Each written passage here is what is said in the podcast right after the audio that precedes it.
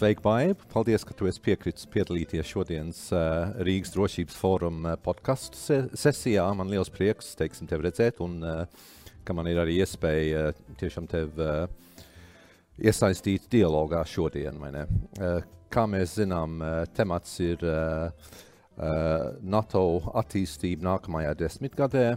Un, um, Tu jau nonāci uh, pašreizējā amatā un vēlreiz apsveic uh, tajā tiešām nozīmīgajā vietā. Mēs esam ļoti uh, gandarīti Latvijā, manuprāt, par, par to, ka, ka, par taviem panākumiem katrā gadījumā. Bet uh, tu jau atbrauc uz Briseli no Londonas, un Londonā tu ļoti veiksmīgi paskaidroji uh, valdībai iedzīvotājiem Latvijā par Brexit. Uh, Vai, eh, teiksim, ienākot NATO, vai Brexits arī ietekmēja tavā uh, uztverē uh, NATO dienas kārtību? Uh, paldies par uzaicinājumu un prieks tev redzēt, Imants. Un, un uh, tiešām mūsu ilgadējā sadarbība atkal jaunāk apstātais. Tev arī apsveic ar to, ka tu esi kļuvis nu, par uh, visādā veidā brīvu cilvēku un pievērsies pētniecībai un, un akadēmiskiem varbūt darbam un novēl tev sekmes. Uh, Un, um, Latvijas ārpolitikas institūts, protams, ir, ir viena no svarīgākajām institūcijām savā profesionālā jomā Latvijā. Un, nu, tiešām patiesi prieks, ka jūs sadarbosieties arī turpmāk. Nu, atbildot uz jautājumu par Brexit un Brexit ietekmi uz NATO darba kārtību, uh, tādas nav. Tiešām šobrīd tādas nav. Tiešā veidā absolūti nemaz. Un, un, ja kaut kur pakārtotā veidā varbūt kā parādīsies eh, kādā brīdī, tad, tad iespējams tā būs kaut kāda cita situācija, bet eh, nu, tas būs tikai pakārtotā veidā. Nu, jā. Nu, Acīm redzot, Brexits paliek teiksim, otrajā Briseles mājā, vai ne drīzāk dienas kārtībā. Kā, Jā, nu, protams, visi jau vēlās vien, vien, vien, vienlaikus, lai tās attiecības tiktu noregulētas draudzīgā un saprātīgā līgumu, līgumu regulējošā kārtā, jo uh, Jo kaut kāds attiecību sarāvums jau nekādus uzlabojumus savstarpējās attiecībās arī starp valstīm nenesīs. Ja? Tas jau mm. atkal politiskais klimats tā saucamais jau neuzlabosies no tā visa. Tāpēc, nu jā. tāpēc jācer, ka racionālais prāts visiem uzvarēs. Tas gan. Um, Mēs pāriesim uh, vairāk pie NATO darbības, jā, un uh, mēs tad uh, pirmkārt par draudiem nedaudz parunāsimies, uh, ja varam. Uh, NATO ģenerāl, ģenerālsekretārs nesenajā Globsek, tā ir teiksim, svarīga Bratislavas uh, ikgadējā konference, uh, viņš uh, uzsver, ka NATO vajag uh, sagaidīt negaidīto. Tā ir teiksim, tā man, šī frāze man uzkrīt, kā saka. Un, uh, un brīdī, kad NATO iet savā uh, uh, astotajā desmitgadē, uh, Eh, kādi, tavuprāt, ir tie, eh, kā, kā tu definētu negaidīto un kā NATO to definē? Um, protams, NATO ir 30 valstu organizācija un kā tāda, kā kuģis ir pietiekoši liela. Un, un eh, jau astoto gadu desmitu ir sekmīgi nodrošinājusi gan mieru, gan drošību tās biedriem. Uh, Un, un lielā mērā cilvēki pie tā ir jau tā pieraduši un uzņemti kā pašsaprotamu, ka NATO pastāv, ka garantē mieru un drošību, un var cilvēki gan ar biznesu nodarboties, gan naktī mierīgi gulēt. Un tad tikai uh, redzot kādas situācijas, kur valsts, kas nav NATO, cieši no kādas agresijas vai no kā tāda, tad, protams, uh, salīdzinoši var saprast, cik tiešām tā ir svarīga un būtiska organizācija, kuras pamatā ir gan kolektīvā drošība un savstarpēja aizsardzība, gan arī kopīgas vērtības. Jo neaizmirsīsim, ka NATO dibināšanas līgumā, Vašingtonas līgumā tā arī ir ierakstīts, ja, ka tās ir, tās ir mūsu valsts, kas ir veidojuši šo aliansu mūsu kopīgo vērtību un, un demokrātisko sabiedrību aizstāvībai, un tas nav tikai tukšs vārds. Uh, Tāpēc tā ir politiska militāra alianse, un, un kā tāda, protams, eh, tai ir jābūt gatavai pārmaiņām pasaulē. Un pārmaiņas ir notikušas pietiekoši daudz, daudz un dažādas, un būs arvien vēl vairākas, un, un arī NATO tam gatavojās. Kā jau, kā jau arī jūsu šis ārpolitikas institūta uzsāktais sarunu projekts rāda, uh, ka ģenerāls sektārs ir sācis tā saucamo NATO 2030, jeb NATO 2030. gada arī pārdomas un tādu gatavošanās procesu. Un, un, un, un arī mēs, mēs ar tevi šeit šobrīd tieši par to runāsim. Un, protams, arī NATO iekšienē gan mūsu starptautiskajā sekretariātā, kurā es strādāju, gan dalībvalstis, domā par to, kas būs tie tādi izaicinājumi nākotnes scenārija attīstības, gan lielās, gan varbūt mazākās, kas ietekmēs mūsu alianses tautu un valstu drošību.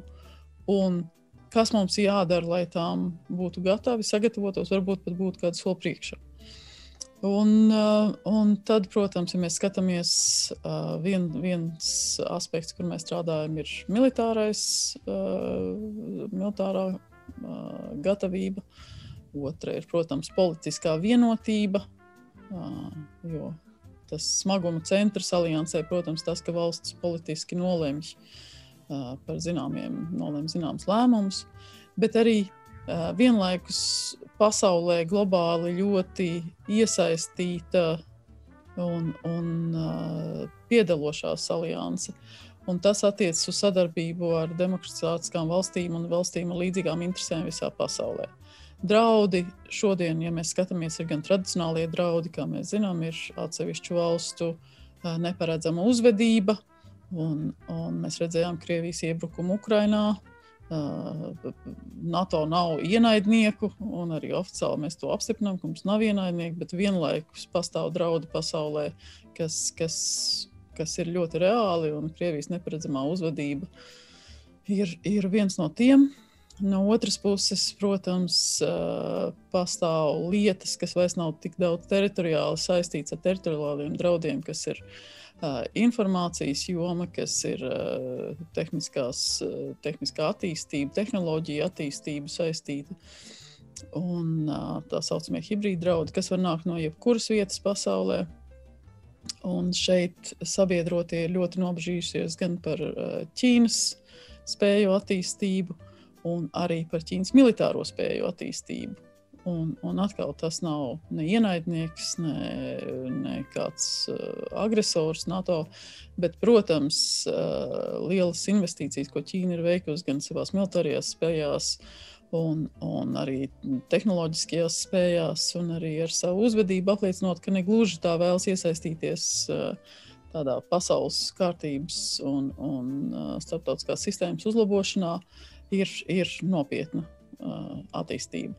Tāpat pastāv dažādi citi, gan valstīs, gan nevalstīs grupējumi, kas joprojām rada uh, draudus mūsu sabiedrībām, vai mēs runājam par terorismu, vai mēs runājam par atsevišķām valstīm, vai tās ir Ziemeļkorejas.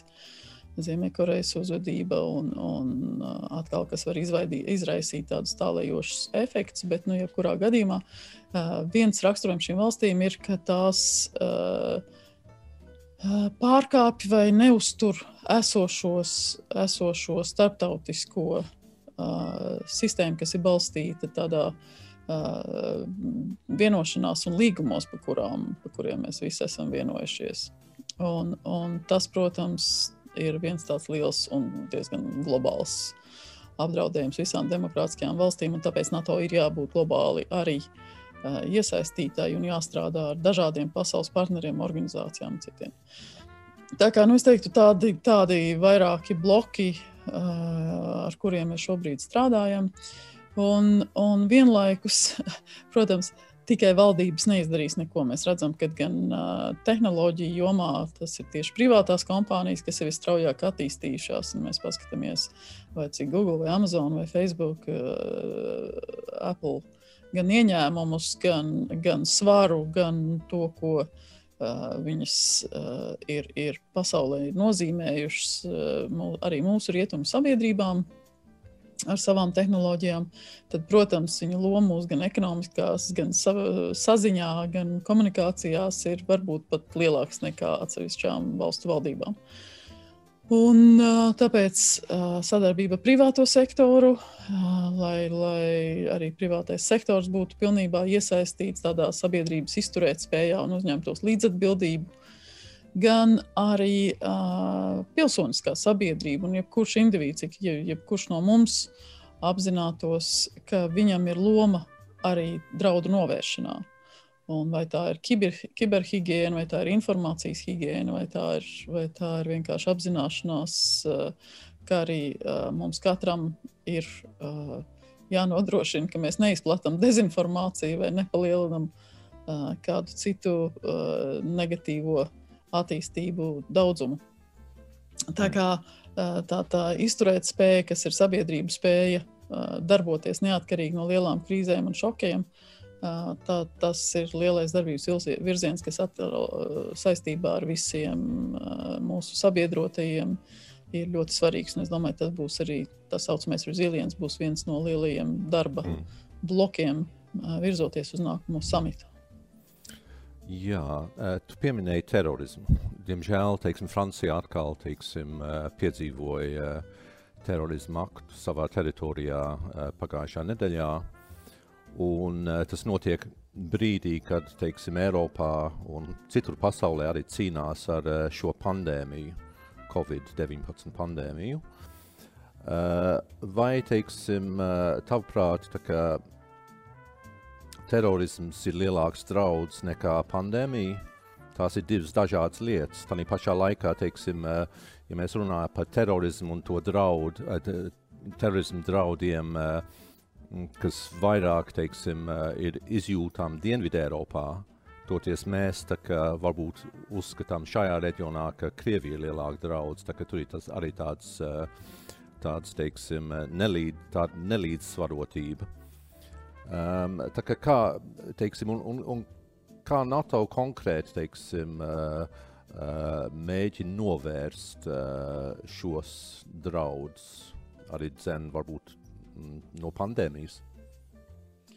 Neapšaubāmi, ka NATO neizvēlās, ka tikai atbildēt uz vieniem vai otriem draudiem, ka mums visiem kopā, kā aliansē un NATO kā organizācijai, jābūt spējīgi atbildēt uz, uz itin visiem draudiem. Un tas ir arī kas ir noteikti, ka mēs kā NATO uh, spēsim atvairīt un, un pretoties itin visiem draudiem, vai tas ir uh, kāds valstis draudz, nevalstis vai vēl kas cits. Vai kiberdrauds, vai, vai šobrīd arī, piemēram, tiek attīstīta kosmosa politika. Tā kā pastāv ļoti daudz un dažādas. Dažādi darbības virzieni. Attiecībā uz terorismu, vai tas ir lielāks nekā draudz, nekā pandēmija, domāju, nav, nevaram tā īsti salīdzināt tiešā veidā. Uh, jo, jo uh, krīze, kas ir pandēmija, ir skārusi pilnīgi visas valsts un pilnīgi visas sabiedrības. Tas ir neatkarīgi no tā, vai tas ir NATO vai kas ir kaut kur citur. Un, un uh, šajā situācijā ne, ne NATO, nekādi, nekādas citas starptautiskas organizācijas nav tādi pirmie palīdzības sniedzēji vai atbildētāji Bet vienlaikus uh, NATO, protams, ļoti ātri norēģēja uz palīdzības sniegšanu uh, gan savu valstu iedzīvotājiem, kur uh, militārās struktūras sniedz palīdzību civilajām, kur sabiedrotie lidmašīnām vadīja gan, gan mediķus, gan pārvietoja slimnīcas mobilās, gan veda zāles. Uh, un, un ļoti plānoja hospitāļus, eh, mobilos. Ļoti, ļoti dažādās izpausmēs parādījās gan starp valstīm, gan valstu iekšienē, kā savstarpēji militārās civilās struktūras sadarbojās un kur NATO to visu koordinēja. Un, uh, neapšaubāmi, ka tas kā no tāda krīzes, krīzes viedokļa uh, NATO bija viena no organizācijām, kas parādīja, ka arī tādā situācijā tas spēja darboties un ka strādāja gan, gan tās lēmumu pieņemšanas procedūras, gan arī bija spējas. Jo, jo protams, militārās lidmašīnas, kā jau teicu, zināšanas. Un, un šīs te, dažādas aparatūras un, un zāles bija iespējams nogādāt tur, kur tas ir vajadzīgs. Uh, Par terorismu arī mūsu sabiedrībā mēs nevaram pateikt, ka tas, ka Latvijā nav bijuši terorismu uzbrukumi, ka tas nebūtu svarīgi, ka terorisms tāpēc nebūtu svarīgs. Jo, ja tas ir svarīgs vienam sabiedrotajam, tas ir svarīgs visiem. Un tāpēc, tāpēc neapšaubāmi tas, kā mēs redzam, kādi, kādi uzbrukumi nežēlīgi ir bijuši Francijā, sabiedrotie ir pilnīgi solidāri Franciju atbalstīt. Un, un NATO neapšaubāmi sniedz savu devu nodrošināt, lai terorismu perēkļi tika likvidēti. Mēs zinām, Afganistānā atceramies, kādi bija terorismu uzbrukumi uh, 11. septembrī. Uh, 2001. gadā pret Ameriku, kad pirmo reizi piektais pants tika iedarbināts. Tas tieši bija teroristu uzbrukuma rezultātā. Toties Francija negribēja iedarbināt piekto pantu terorismu gadījumā. Jā, šobrīd tas tieši tā arī notika. Tas bija uzbrukums. Amerikas Savienotām valstīm, un sabiedrotie ļoti skaidri to arī pateica. Un, um, uh, savukārt šobrīd Afganistānā Protams, mēs redzēsim, kā, kā turpināsies sarunas starp talībiem un, un Afganistānas valdību, bet vismaz šobrīd Alkaida tur ir likvidēta un, un no turienes tieša veida terorismu uzbrukumi pret NATO valstīm nenotiek. Un, tāpat mēs zinām, arī, arī vidusjūrā NATO kuģi dežūrē un, un mēģina pārtraukt dažādas uh, nelegālas operācijas, gan, gan Eiropas Savienības operācija, kas migrāciju mēģina kontrolēt.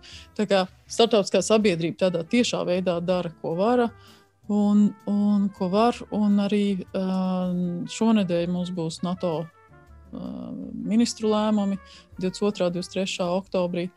Un visticamāk, arī NATO lems par operāciju Irākā. Un, uh, tad, tad arī tur mēs zinām, ka tur arī gan aizsila, gan citi, respektīvi, dēši un citas grupas, kas ir darbojušās. Arī tur, piemēram, nākamā, nākamā, nākamais uzdevums būs palīdzēt Irākas valdībai tikt ar to galā. Um, klausies, tu pieminēji uh, kosmosa politiku, uh, NATO kosmosa politiku. Uh, Un, ja mēs skatāmies uz NATO 2030, tad acīm redzot, šī būs viena joma, kurā NATO gan ies. Un es saprotu, ka ir runa par, teiksim, par kosmosa bāzi, NATO bāzi Ramsteinā. Varētu kaut ko vairāk pastāstīt par šo, jo es saprotu, ka arī Uh, aizsardzības ministra varbūt pieņems lēmumu par šo. Aizsardzības ministriem par to būs jālēm. NATO kosmosa politika ir pieņemta pagājušā gadā, 2019. gadā, pamatprincipi, atzīstot to, ka spējas un, un attīstība, kas kosmosā notiek, ir svarīga arī NATO. Neapšaubām tā spēja šobrīd ir lielākā daļa ir atsevišķiem sabiedrotajiem. Bet, ja mēs padomājam, kādā veidā tas ietekmē NATO piemēram, komunikāciju, arī tā skaitā militāro komunikāciju, visi satelīti, mm. saziņas sistēmas, viss, kas, kas strādā tieši ar satelītu pavadoņu palīdzību. Neapšaubām, NATO uz NATO tas attiecas visciešākajā veidā. Un, ja ir apdraudējumi, kā mēs redzējām, kad atsevišķas valsts mēģina tur izmēģināt ieročus kosmosā, kas varētu apdraudēt šādu saziņu, tad, protams, arī NATO ir svarīgi redzēt un saprast, kas ir tā vieta un loma, ko mēs kā organizācija varam darīt. Ne tikai tas, ka tur ir atsevišķas, atsevišķas valsts ar savām spējām, bet NATO kā organizācija. Un tāpēc pakāpeniski NATO uh, attīstīs šādu, šādu kosmosa centru, un, un tas būs pakāpenisks process. Jā, mēs jau ienākam tajās teiksim, tehnoloģijas jautājumos, kas ir ļoti būtiski šajās dienās. Un tajā sakarībā tu jau arī pieminēji Ķīnu. Vai ir teiksim, kāda NATO vienota nostāja par 5G ieviešanu, piemēram? Jā, 5G ir viens no tā saucamajām resilience baselines, jeb tādām valsts izturīt, spē, izturēt spējas, tādām pamatprasībām. Kur arī tika uh, 5G ieviests šobrīd, tas attiecas gan uz infrastruktūras aizsardzību, drošību, komunikāciju, izturētspēju un, un arī īpašumu jautājumiem. Mm -hmm, mm -hmm. Bet uh, NATO ir viedoklis par 5G un Ķīnu. Jā, jā, kā jau teicu, ir, ir NATO ir pilnīgi skaidri noteikusi, ka tā ir viena no tām sabiedrības NATO valstu izturētspējas kritērijiem. Valstīm mm. jānodrošina, ka arī 5G attīstot, ka tas netiek apdraudēts un ka jā. tur tiek ņemt vērā gan, gan šie kritiskās infrastruktūras aspekti, gan īpašuma jautājumi, gan, gan ļoti tādi mm. praktiski operēšanas jautājumi.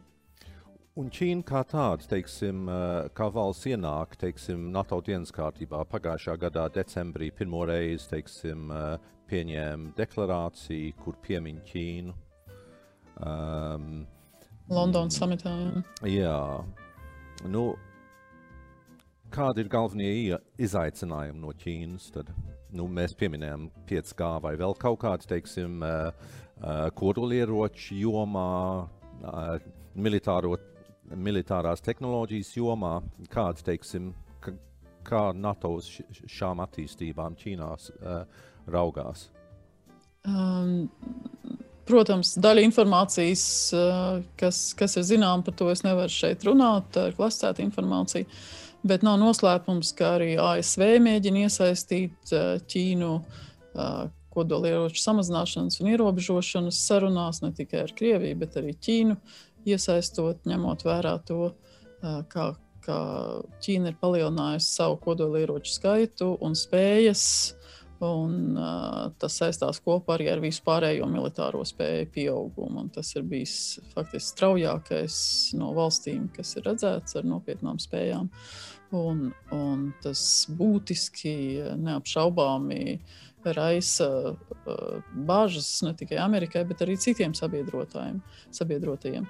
Tāpat uh, kiberuzbrukumi, kas ir pieredzēti dažādās valstīs, tāpat uh, dažādu spēju attīstība, kas saistās ar modernām tehnoloģijām, datu ieguvēm, apstrādāšanu, izmantošanu. Nevienā brīdī nav vairs sajūtas, uh, ka Ķīna vēlētos to darīt kopā ar citām valstīm vai kaut kādā veidā sadarbojoties un ievērojot kaut kādus noteikumus. Un, un tā kā, nu, tas, tas, protams, ir diezgan uh, liels bažas radošs sabiedrotajiem. Un tāpēc arī tie lēmumi tādi ir tikuši pieņemti gan Londonas samitā, kur pirmo reizi pa Ķīnu arī tiešām tika atsevišķi secinājumi, gan arī praktiskos, praktiskos lēmumus, ko mēs darām. Vienlaikus, protams, ir lielie globālie jautājumi, piemēram, klimata izmaiņas, kur bez Ķīnas nopietnas dalības un, un rīcības izmaiņu samazināšanā būs grūti panākt šo pārmaiņu notikšanu, pašreizējās, pašreizējās tendences samazināšanu uz arvien lielākiem izmešiem, arvien lielākām ietekmēm un uz klimata izmaiņām. Un vienkārši salīdzinājumam pateikšu, ka Eiropas Savienība no pasaules izmešiem ir tikai 12%, pat mazāk. Jā, lielākā daļa ir Ķīna.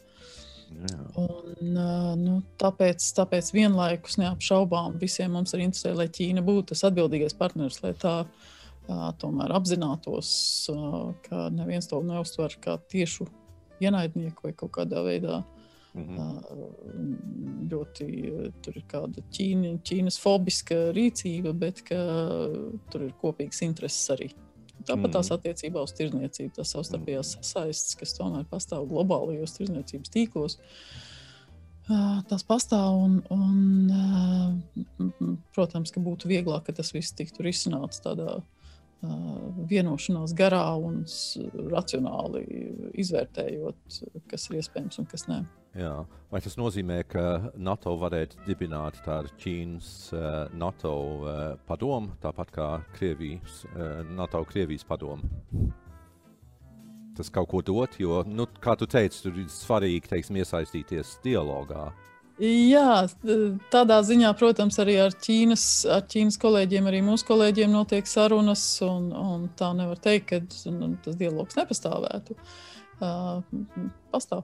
Bet uh, es saku, tomēr mēs esam militāri politiski alianses un mēs skatāmies to uz mazliet citu uh, leņķi nekā to dara, piemēram, Eiropas Savienība. Jā. Mm -hmm. Un atkal tur, tur sadarbība ar Eiropas Savienību arī ir ļoti, ļoti svarīga, jo tie instrumenti, kas ir Eiropas Savienībai, savukārt ir, ir atkal var radīt diezgan liels lielu ietekmi uz Ķīnas uzvedību. Vienalga, vai tā ir uh, Eiropas Savienības kā liels regulatorās varas, uh, noteikumi varas uh, un, un smagums. Vai tās ir uh, savukārt kaut kādas priekšrocības, kas tirdzniecības sarunās var dotas? Nu, tur, tur ir ļoti dažādas iespējas, atkal, kas ir no Eiropas Savienības puses. Tāpēc arī mēs uzturam diezgan ciešu dialogu ar Eiropas Savienības kolēģiem, lai gan informācija apmainītos, lai saprastu, teiksim, ko tālāk, ko tālāk darīt. Um, es pieminēju tad, tātad NATO Krievijas padomu, ko neatceros, kuros gados, 90. gados jau pirms sākās paplašināšanās. Uh, tur bija tā, ka tajos gados varētu būt teiksim, tie ziedlaiki uh, attiecībās starp teiksim, rietumiem, NATO un Krieviju, kad bija dialogs un pat runāja vienu brīdi par to, ka uh, varētu uzaicināt Krieviju iestāties NATO. Bet tas laiks, uh, diemžēl, ir pagājis, vai ne? Un, un tagad, teiksim, uh, jautājums ir, vai teiksim, NATO-Krievijas padome ir piedzīvojusi savu uh, derīguma termiņu beigas, Jā, ir interesanti atcerēties, ka, piemēram, Bukarestas samitā arī, arī Putina kungs bija klāt, un tur notika arī NATO-Krievijas padoms tikšanās, un Lisabonā bija Medvedjev kungs, kurš tajā brīdī bija prezidents.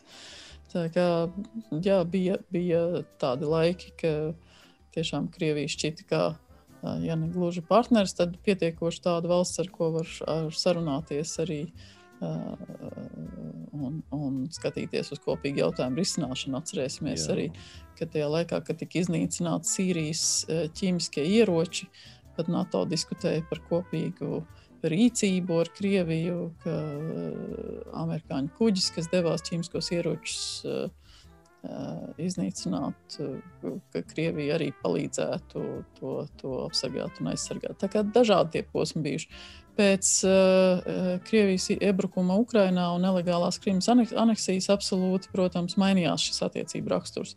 Pie, jau, jau pēc uh, kara ar Gruziju tas bija pirmais uh, tāds lielais uh, solis, un, un pēc, pēc Krimas aneksijas neapšaubām attiecības mainījušās pilnīgi.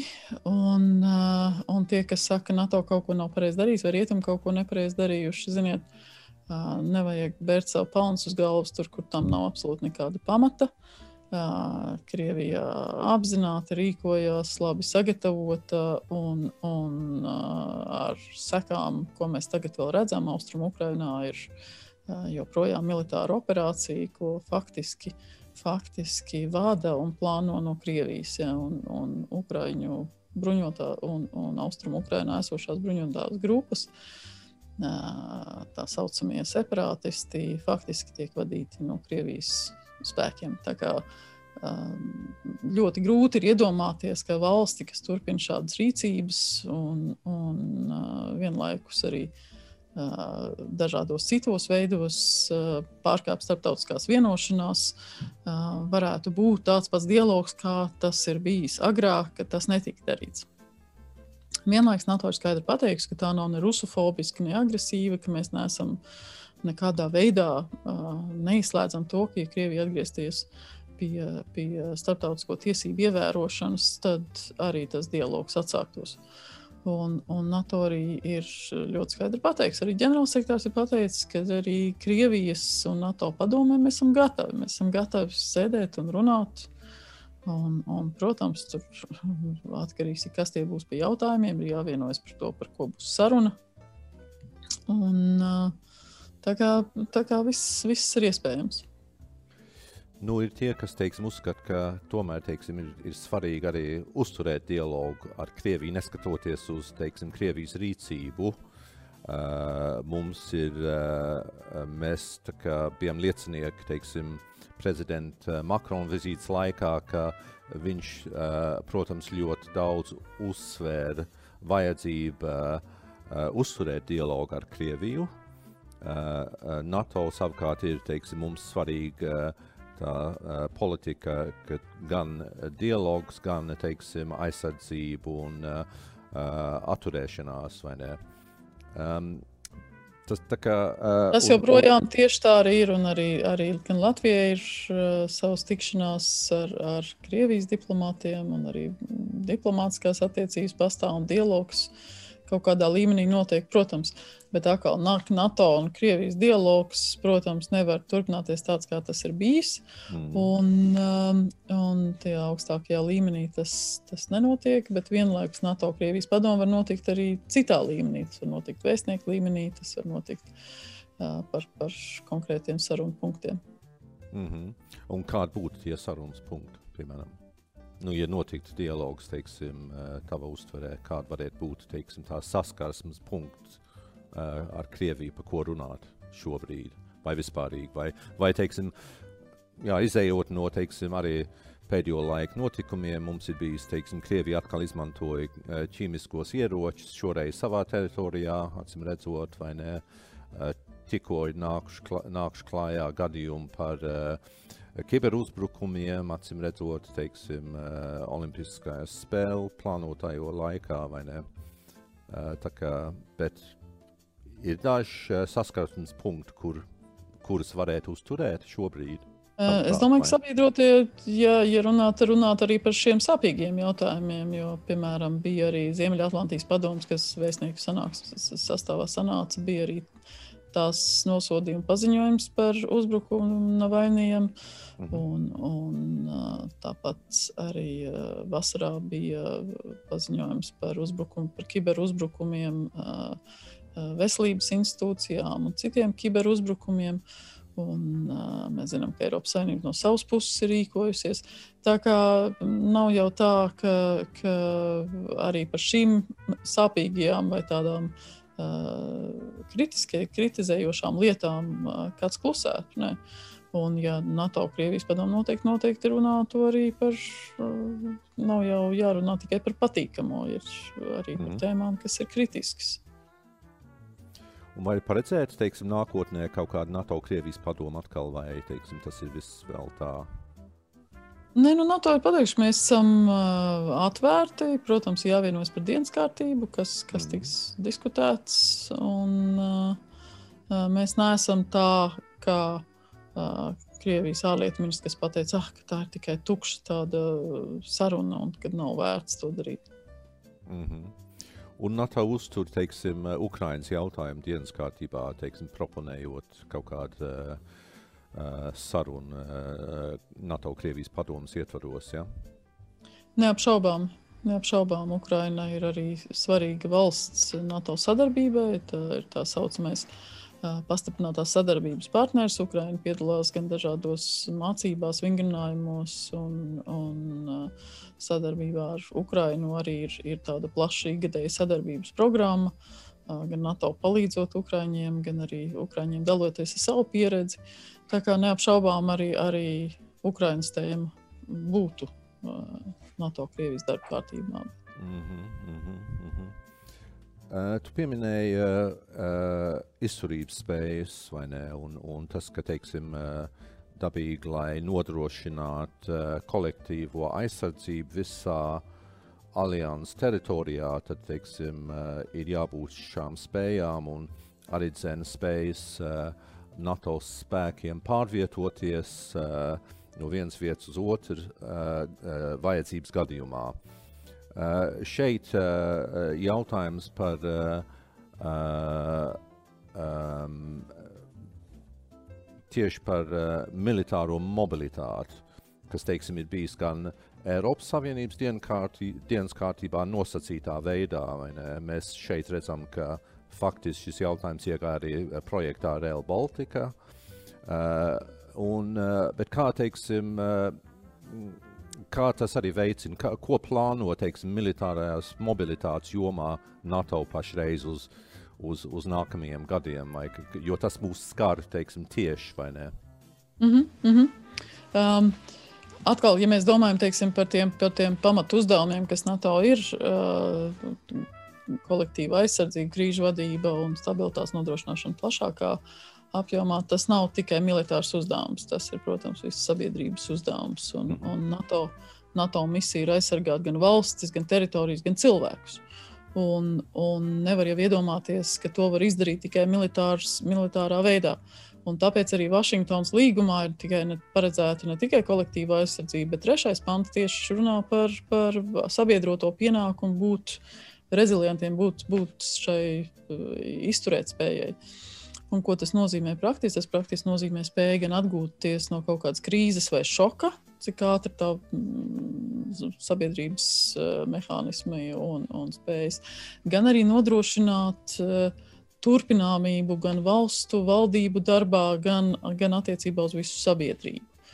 Un šeit uh, NATO, kā parasti, protams, organizācijās ir dažādas nu, vadlīnijas, un, un uh, vadlīnijas attiecībā uz, uz šo izturētspēju, un kas skar arī mobilitāti, ir ļoti skaidras. Tas attiecas uz uh, pārvietošanos, respektīvi gan ceļu, gan, gan uh, ceļu tīklu, gan dažādu citu uh, uh, transporta sistēmu nodrošināšanu. Tas attiecas uz komunikācijas sistēmām, uh, tā skaitā 5G. Uh, Tas attiecas uz veselības aizsardzības sistēmu izturību, un kas pierādījās arī šobrīd pandēmijas laikā, kad arī tas, protams, ir ļoti svarīgi, ka šī, šādas spējas tiešām valstīs pastāv. Tas attiecas uz, uz valdības spēju turpināt pašai funkcionēt, tā skaitā arī uz saziņas nodrošināšanu ar iedzīvotājiem. Tā kā, tā kā ļoti tādas uh, plašas uh, vadlīnijas, kuras sabiedrotajiem ir jāspēj nodrošināt to, ka tā izturētspēja pastāv.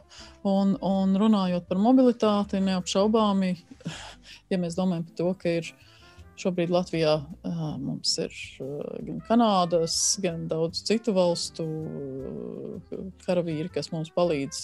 Domāju, ka Latvija kā NATO dalībvalsts kopā ar daudziem citiem rūpējas par visas NATO drošību. Bet nu, šobrīd tas notiek Latvijas teritorijā. Mūsējie piedalās arī citās NATO operācijās, KFORS un Kosovā. Un, un mēs esam bijuši Afganistānā un, un Irākā ļoti dažādi. Uh, Un tāpat tās Lietuvā, un, un Igaunijā, un Polijā un, un citās valstīs uh, ir, ir uh, NATO vienības.